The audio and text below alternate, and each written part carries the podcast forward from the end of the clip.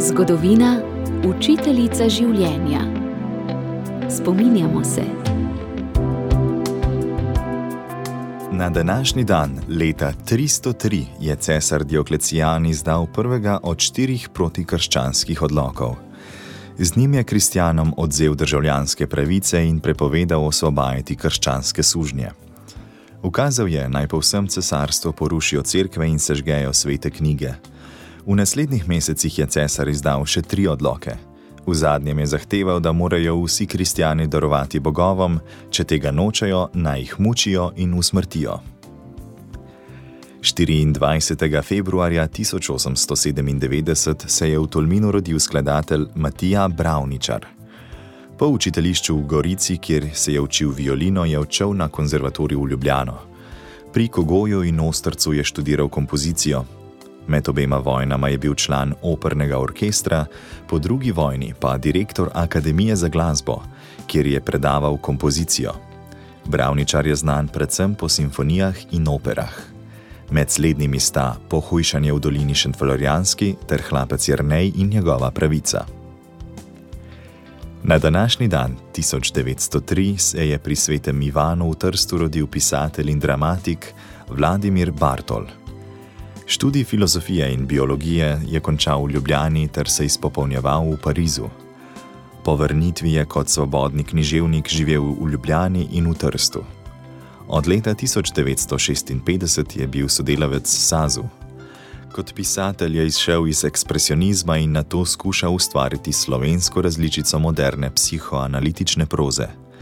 Med najboljšimi deli Vladimirja Bartola je roman Alamut, ki je preveden v več svetovnih jezikov. V njem obravnava vprašanja o resnici, laži, spoznanju, moči in oblasti. Leta 1961 je smočarski skakalec Jože Šlibar v Obersdorfu postavil svetovni rekord.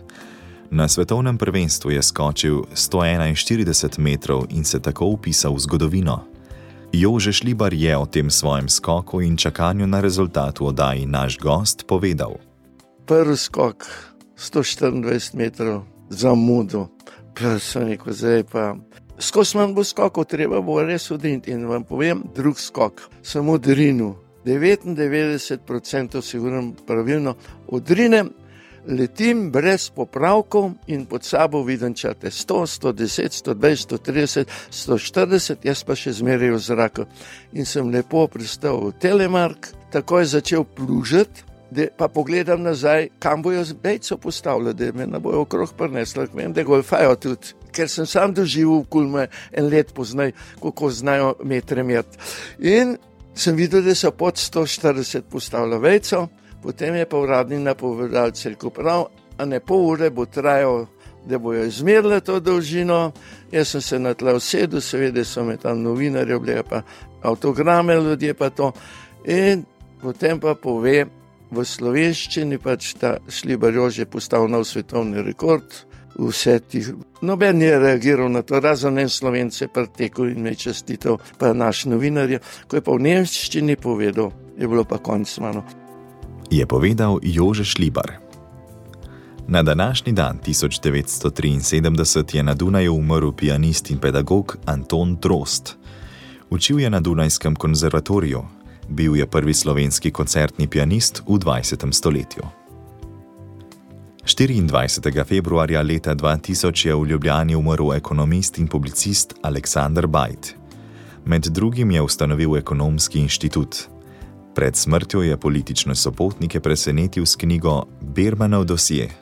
To je obsežno delo, ki kritično prikazuje obdobje druge svetovne vojne in povojna leta v Sloveniji in Jugoslaviji. Spomine za današnji dan je zbral in uredil Tone Gorjub.